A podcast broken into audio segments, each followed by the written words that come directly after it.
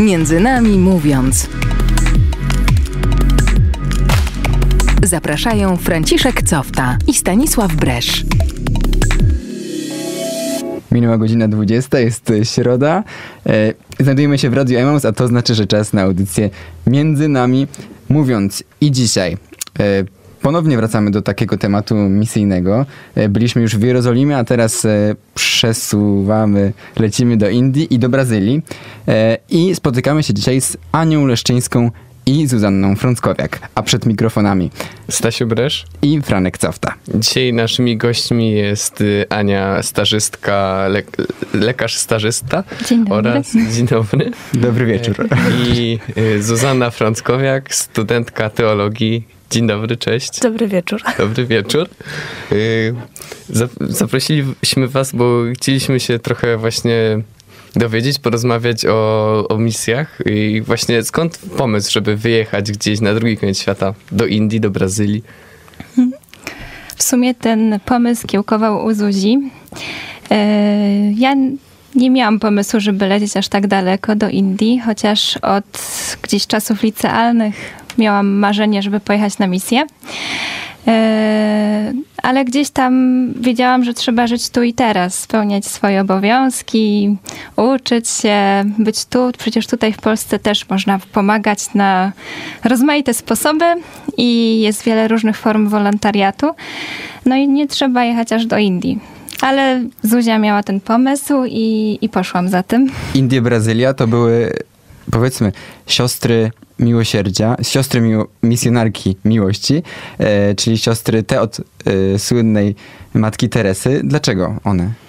Mm, ja Myślę, że osoba w ogóle Matki Teresy jest taka y, naprawdę fascynująca. Mm, to, ile ona potrafiła poświęcić, jakby tak naprawdę z dnia na dzień, to, że y, pragnienie pomagania ubogim było w niej tak silnie zakorzenione, że potrafiła jakby zostawić wszystkie takie wygody i dobre, które na pewno miała zapewnione zarówno jeszcze będąc osobą świecką w domu rodzinnym, jak i później już będąc zakonnicą. Ym, która y, przez kilka lat jeszcze nauczała w szkole w Indiach. Y, No, jest to coś, mm, jej osoba, jej historia naprawdę robi wrażenie. To jak ona potrafiła się wyrzec z wszystkiego, co jest właśnie takie wygodne, fajne, do czego tak naprawdę w dniu dzisiejszym mamy dostęp na wyciągnięcie ręki. Y, A ona właśnie w imię Jezusa mm, dla niego to wszystko poświęciła i jakby to zwala z nóg, nie? Czyli Pojęcie pójście tego. za matką Teresą, żeby pomóc ubogim, tak? Co tam robiłyście? No, posługiwałyśmy w różnych domach e, u osób takich starszych, niepełnosprawnych, umierających. E, też zajmowałyśmy się dziećmi, chociaż tutaj głównie Ania. E, Też pomagałyśmy w aptece, którą siostry prowadziły. E, Rozdawały leki ubogim. Też e, były takie siostry, które były lekarkami i one były takim pierwszym kontaktem e, dla tych ludzi, którzy no, z takimi ogólnymi objawami mogli się zgłosić i e, one jakoś tam objawowo próbowały im pomóc. Były to Brazylia, potem Indie, Kalkuta, no i y, światy kultury zupełnie inne chyba, prawda? Czy, czy pomoc też potrzebna była inna w tych miejscach? Y, Przed wyjazdem, jeszcze jak rozmawiałyśmy z jednym z misjonarzy, powiedział nam takie zdanie, które bardzo zapadło na- nam w pamięć, że w Afryce jest bieda, w Ameryce Południowej jest bieda, ale w Indiach jest nędza. I rzeczywiście, będąc tam, na własne oczy to zobaczyłyśmy. Mm, Miałyśmy no, też okazję, łaskę być w Ameryce Południowej. E, Ja też miałam też okazję być w Afryce. I rzeczywiście jest ogromna różnica. Indie są, mm, zwłaszcza Kalkuta, e, w ogromnej nędzy i no, jest bardzo dużo brudu. E, dzieci biegają w takich łachmanach po ulicy. No, to jest taki też, nie? standardowy widok, nie? takie właśnie. miasto śmietnik w sumie możemy tak Mm. chyba Przenieśmy najprościej. się do Indii, do Kalkuty, tam pracowałyście w slumsach i pomagałyście E, ludziom. Wiele domów mm, mieści się na terenie slumsów.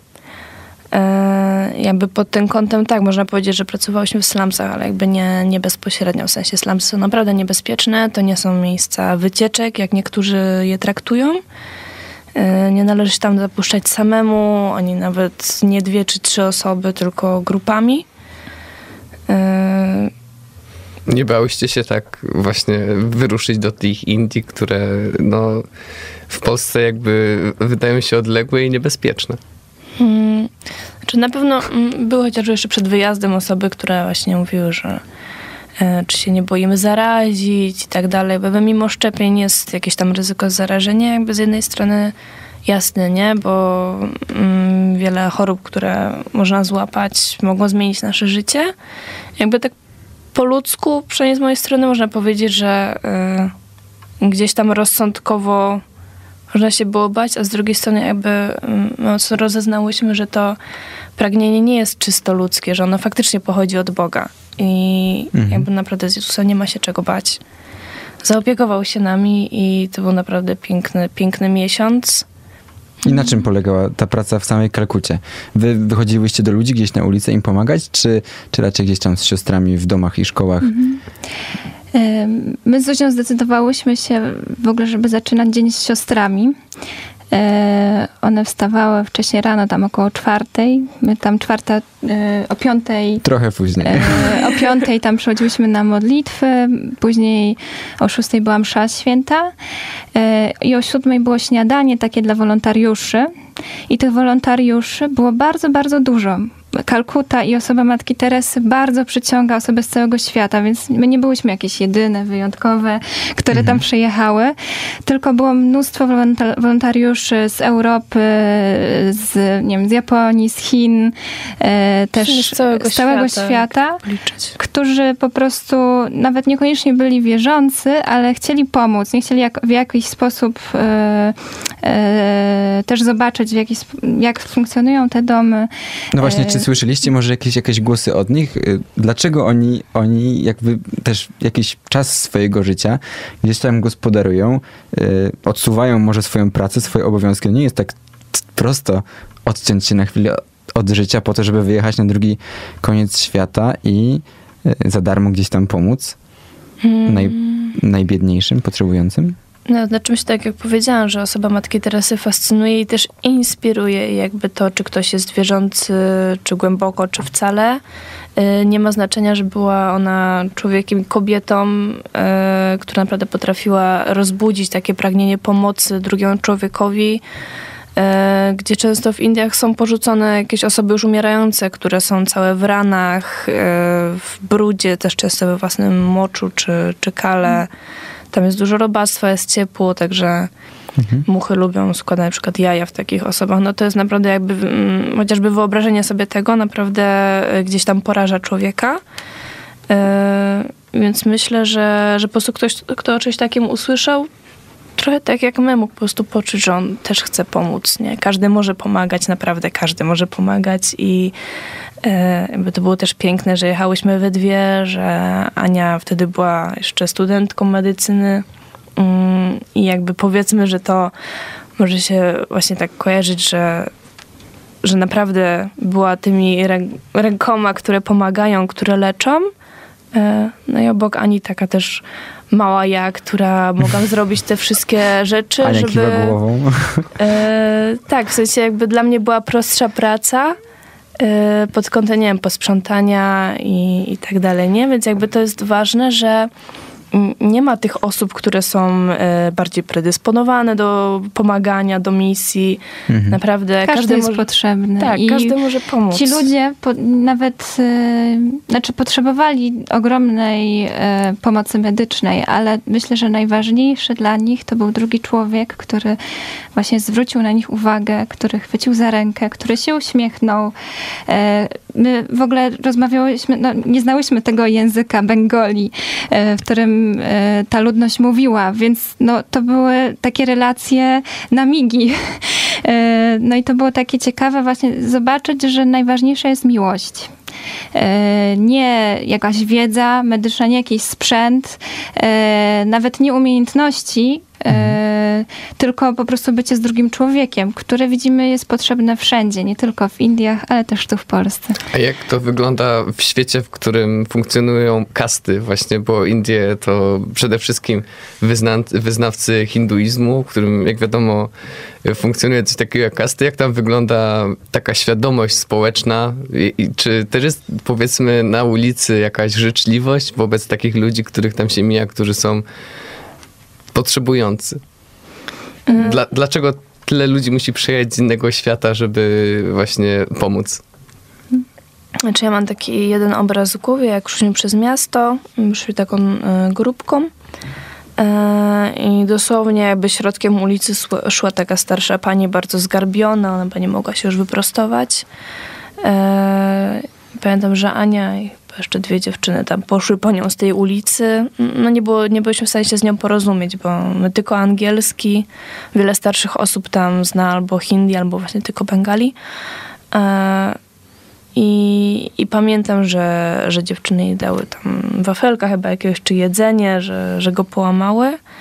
A jeden z Hindusów przechodził obok nas, tak spojrzał, w sumie coś powiedział, zaśmiał się, machnął ręką, poszedł, nie?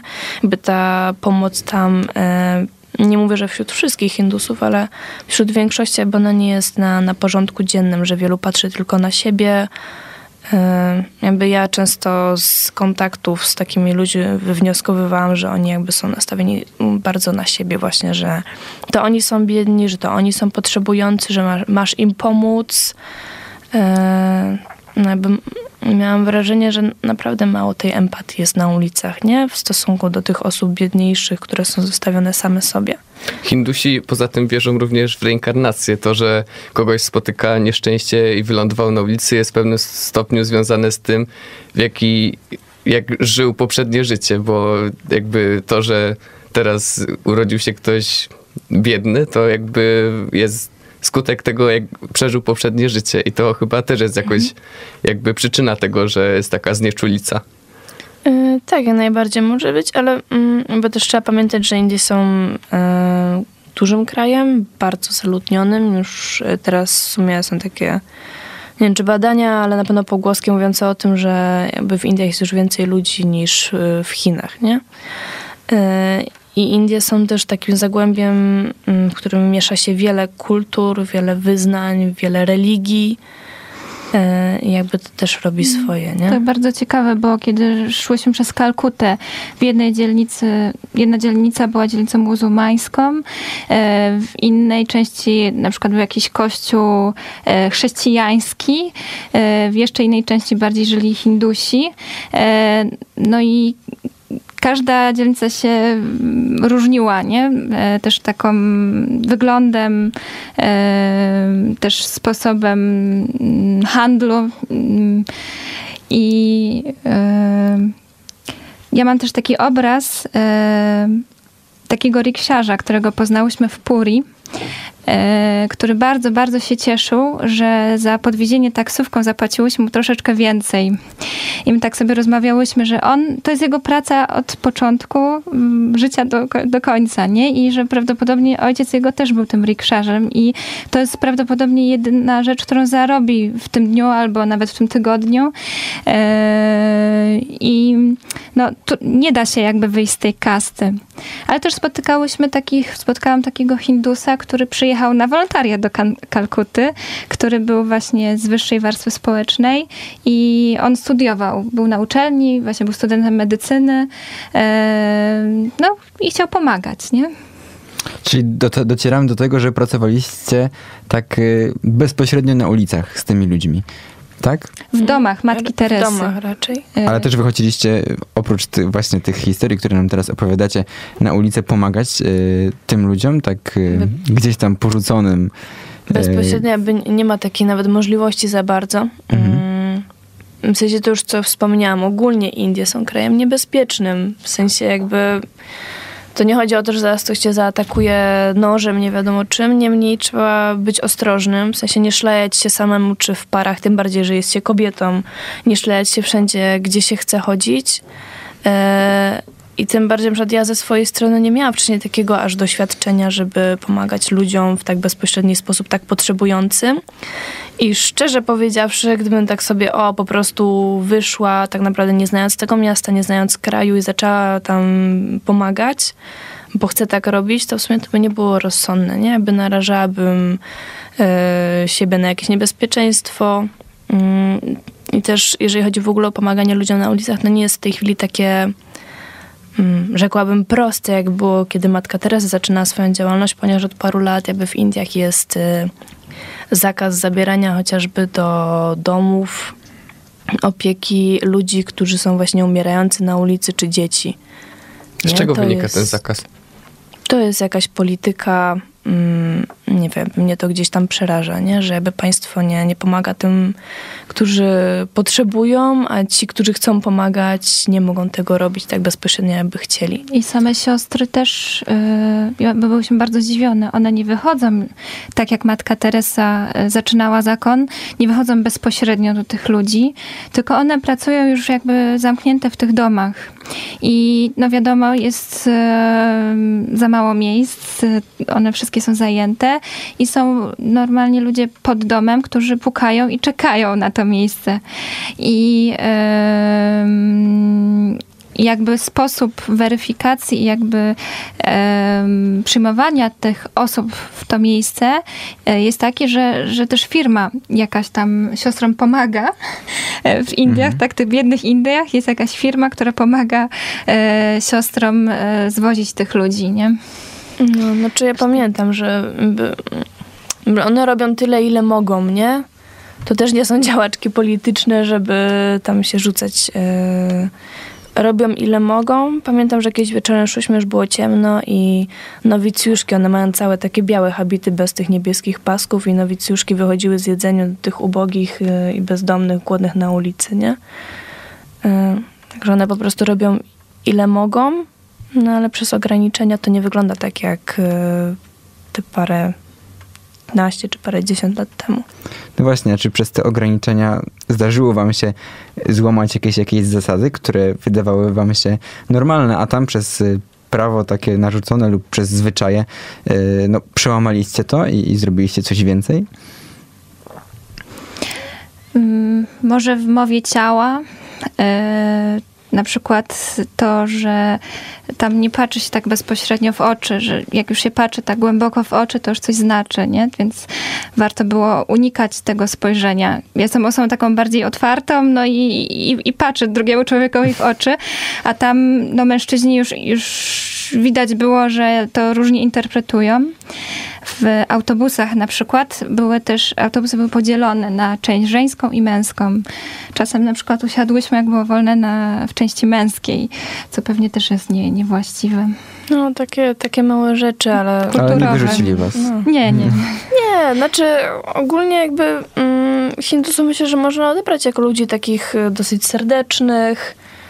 Y, No to też nie jest tak, że mm, to są Indie oni- i wszyscy ludzie będą tacy, nie? Tak jak y, sobie brzydko powiem, ale o Polakach, że a Polacy kradną i tak dalej. No jakby to też są ludzie, tam jest każdy inny, nie?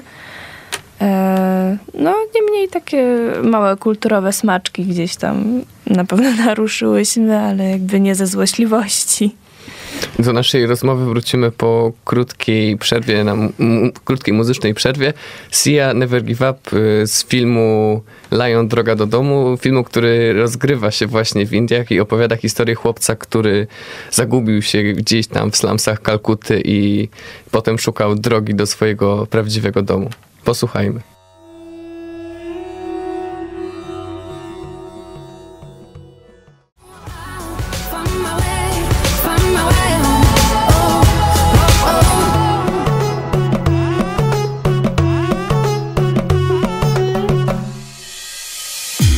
Między nami mówiąc. Zapraszają Franciszek Cofta i Stanisław Bresz. Never Give Up z dedykacją dla sióstr misjonerek miłości, które mam nadzieję nie poddadzą się w, mimo tych y, trudnych y, sytuacji, mimo, mimo kultury e, w Indiach i będą cały czas dzielnie walczyły i pomagały najbiedniejszym. Nie poddajemy się i wracamy też do naszej rozmowy z Anią Leszczyńską i Zuzanną Frąckowiak o ich przygodzie z e, siostrami e, Matki Teresy i przygodzie z, z Indiami. Dziewczyny, wy też wspominaliście w przerwie o, o szpitalu dla trędowatych, który odwiedziliście w Indiach, który prowadził Polak, Tak, ojciec, ojciec Marian Żelazek. Tak, tak. Bardzo cieszymy się, że mogłyśmy tam pojechać e, i zobaczyć e, w ogóle na czym on polegał. E, czy tam są rzeczywiście jeszcze trędowaci i, i rzeczywiście jest tam wioska, gdzie ten trąd jest już ograniczony, ale trędowaci no, cały czas istnieją, są na przedmieściach, są też dyskryminowani, a w tym miejscu ojciec stworzył szkoły, tak, dla dzieci z rodzin trendowatych, gdzie, gdzie też mogą się uczyć. E, No i też dostają taką opiekę medyczną. Wy też byliście tam, już mówiliście, z, z wieloma wolontariuszami, którzy towarzyszyli wam na tej drodze. Jak, wygląd, jak wygląda taka wspólnota tych wolontariuszy, którzy zjeżdżają się z różnych stron świata Mm, i łączy ich myślę- jeden cel, żeby pomagać? No, myślę, że to jest w ogóle bardzo piękne doświadczenie, właśnie m, poznać ludzi w ogóle nie z innego kontynentu, e, że łączy nas gdzieś tam to samo, nie? Że chcemy pomagać, że e, jest to dla nas tak samo piękne, tak samo radosne. E, jak najbardziej polecam poznać kogoś, też tym bardziej, że no jakby inny kraj to już często jest inna kultura, nie? Ale mm, no, jakby można było poczuć to, że jesteśmy mm, taką, powiedzmy, małą wspólnotą. też, tak, braćmi i siostrami gdzieś tam w tym wszystkim. Y, Wy pomagałyście siostrom miłosierdzia, nie, przepraszam, Misjonarkom siostrom miłości. misjonarkom miłości, właśnie tym od y, matki Teresy z Kalkuty. Mhm. Y, Ale na pewno z, siostrom- miło- z miłosierdziem też mają trochę z wspólnego. miłosierdziem na pewno Dużo, mają bardzo dużo. dużo, wspólnego. Y, Właśnie siostry, które słyną z tego, że jakby całe swoje życie podporządkowują y, tym, którym pomagają. Starają się jakby też swoje warunki życiowe dopasować do tego, jak ci ludzie żyją na ulicach.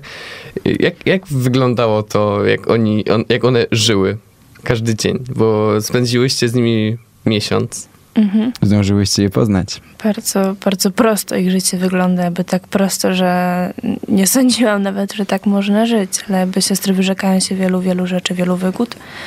E, myślę, że z ciekawostek można powiedzieć, że chociażby mają, mm, z tego co wiem, trzy habity, z czego jeden jest taki odświętny, na przykład właśnie na ich święcenia, czy jakieś ważniejsze dni, a jakby dwa e, zakładają, czyli jeżeli ma, mają na sobie jeden, to drugi piorą, suszą, zakładają go kolejnego dnia, a ten drugi piorą, suszą i tak dzień w dzień cerują, by nie ma czegoś takiego, że dostają nowy. E, To jest na całe ich życie, mają na pewno parę sandałów. Myślę, że warto spojrzeć nieraz na zdjęcie matki Teresy, e, jak wyglądały jej sandały. One były pocerowane, połatane, naprawdę w tragicznym stanie, ale ona je do końca nosiła. Mm, Na pewno siostry mają swoją miskę do mycia, kawałek mydła, szczoteczka, e, ale jakby nie mają swojej takiej własności, nie, nie przyjmują jakby większych prezentów. Ca- Sam- całe życie spędzają w jednym miejscu, czy mają też jakieś takie Mm. momenty, że Różnie, różnie, ale na przykład Indie są tyle trudnym krajem, że y, chyba maksymalnie nieraz można dostać wizę na rok, ciężko ją przedłużyć, więc y, bardzo często jest tak, że jakby Indie zasilają się same. Y, indyjskie siostry pracują w Indiach, mogą się ewentualnie przenosić między miastami, jeżeli takie oczywiście matka y, generalna sk- skieruje, albo są też y, niektóre placówki czy domy zakonne, gdzie siostry mm, są przede wszystkim od adoracji. Nie są jakby tak czynne, czynnie działające wśród ludzi. Mm, Ja też miałam okazję na przykład poznać siostry u nas w Polsce, w Katowicach. Y, No i tam była jedna siostra z Czech, były Polki, były właśnie dwie z Indii. Mm, Także różnie po prostu jakby gdzie jest potrzeba i na ile jest możliwość, to siostry są też kierowane do różnych krajów, w których posługują, a posługują w bardzo wielu krajach. a co w Polsce siostry robią? Mm, tak naprawdę to samo, jak co robią wszędzie indziej, w każdym innym kraju pomagają ubogim. Mogę matka- bezdomnym, jakby, przepraszam, Mhm. przerwę. Nie, przepraszam. E, bo ja pamiętam, że właśnie byłam takim tygodniowym w sumie doświadczeniu z siostrami. E, to była kwestia i tego, żeby rozdać e, jedzenie tym, którzy do nich przyjdą. E, że byłyśmy u osób bezdomnych, które mieszkają w, w środku zimy, w lesie gdzieś tam albo pod mostem, jakby w ogóle po prostu poznać te osoby, porozmawiać z nimi, zaprosić, dowiedzieć się, czego potrzebują, czy można im jakoś pomóc e, pójście do szpitala, gdzie jest dużo osób przykład starszych, e, trzeba zmienić pampersa, takie proste rzeczy. A sama matka Teresa, która jest przykładem dla tak wielu sióstr, tak wielu młodych, y, starszych ludzi z całego świata też dla was. Co w niej takiego najpiękniejszego dostrzegacie? Może też coś nowego po tym, po tej przygodzie? Dla mnie jej życie modlitwy mm, jest czymś pięknym i godnym naśladowania. E, No i mm, w ogóle wszystkie te uczynki, całe jej życie wynika no, z głębokiej relacji z Panem Bogiem. Tak jak no, wielu świętych. I e, nic nie dzieje się, to dzieło nie powstałoby, gdyby Pan Bóg tego nie chciał. E, I wszystko to jest e, jego owocem. I, I matka Teresa w ogóle swoje życie zakonne rozpoczęła od prowadzenia zajęć z dziewczynami z bogatych rodzin. Dopiero później e, wyszła na ulicę do biednych, bo otrzymała takie powołanie w powołaniu.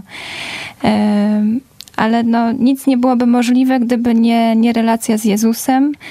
E, No i myślę, że to jest dla mnie takie najbardziej pociągające, żeby też mieć samemu taką relację z Panem Bogiem, z Jezusem, który nas prowadzi i ma dla nas najlepszą drogę też w życiu. E,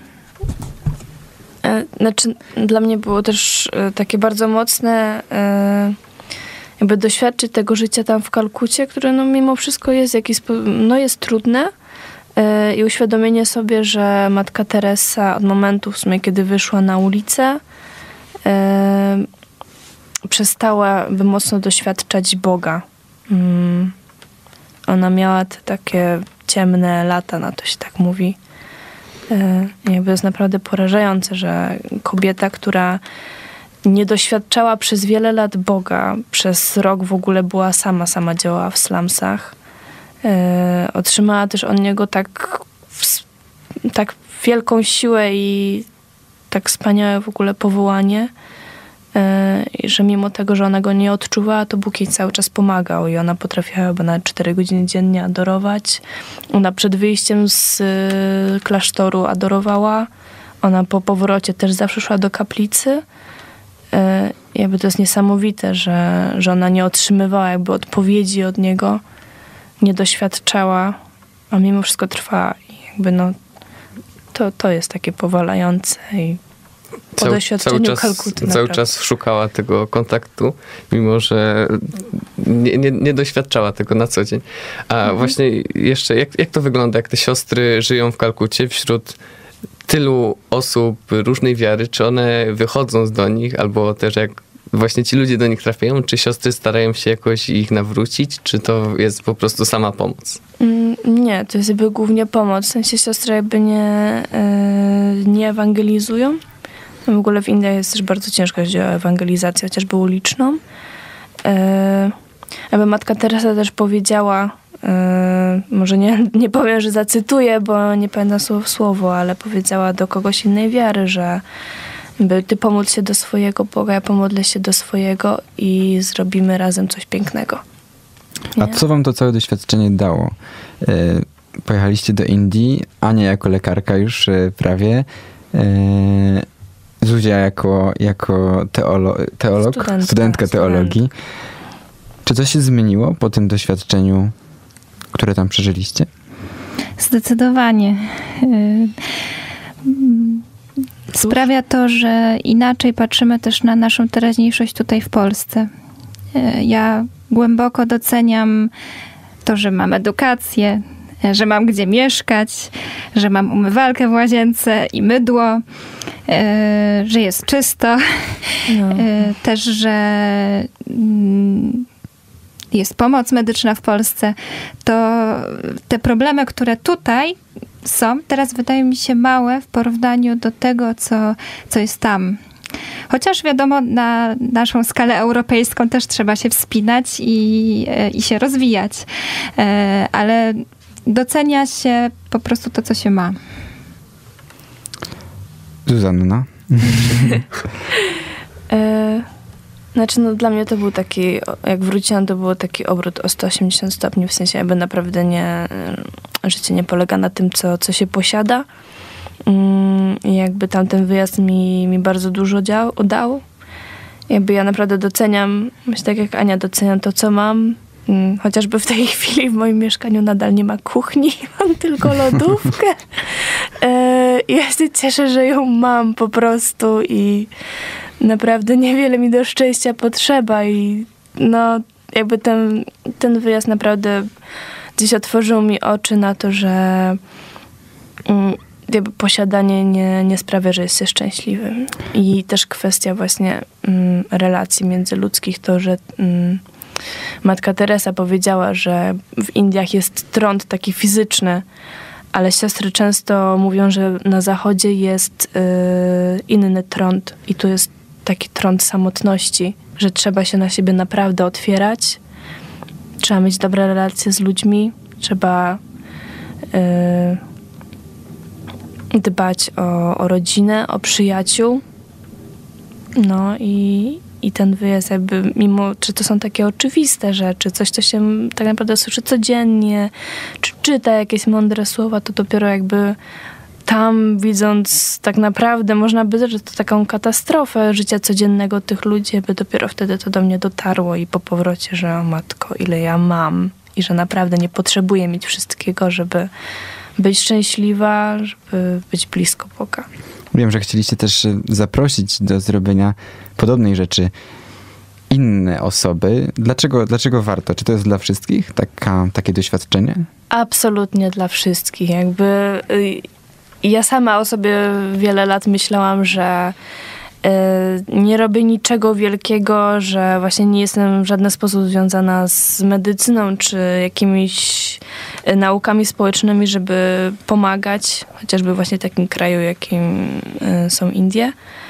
Y, Nieprawda. No naprawdę każdy, każdy może jechać, każdy jest potrzebny wszelkie ręce do pracy.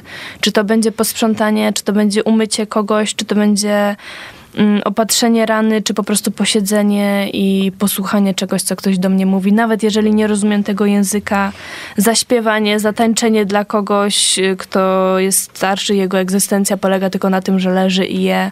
Naprawdę każdy jest potrzebny i osobiście uważam, że wolontariat jest naprawdę czymś absolutnie pięknym, ubogacającym i nie ma co się zastanawiać, nie ma co się wykręcać. Jeżeli czujesz, że chcesz, jak najbardziej jedź. Jest naprawdę na dzień dzisiejszy tyle możliwości, tak łatwo się dostać do wielu krajów przez y, linie lotnicze chociażby. Oczywiście tutaj w Polsce też warto pomagać i, i trzeba pomagać i Właśnie, bo nie trzeba wyjeżdżać gdzieś daleko, żeby, tak jak powiedziałyście wcześniej, uśmiechem albo chociażby prostym słowem, kontaktem z drugą osobą pomagać. dokładnie tak. Dziękujemy Wam za tę rozmowę, za to, że dzięki Wam mogliśmy się przenieść na chwilę na ten drugi koniec świata, do innego trochę świata. E, dziękujemy za doświadczenie, dziękujemy Wam, że byliście z nami. To była audycja Między Nami Mówiąc. Widzimy, słyszymy się w każdą środę o godzinie 20 i I zapraszamy również na nasze media społecznościowe, na Facebooka, na, właśnie na stronę Między Nami Mówiąc, y, a także na YouTube'a, gdzie można usłyszeć nasze archiwalne audycje, a I- także na Instagrama. ja także na. Instagramie. I się nie poddajemy, never give up. Spodobała nam się ta dzisiejsza piosenka. Dziękujemy. Z nami była Ania Leszczyńska i Zuzanna Frąckowek, a przed mikrofonami Stasiu Bresz. i Franek Cofta. Do usłyszenia. Dziękujemy. Do usłyszenia. Między nami mówiąc.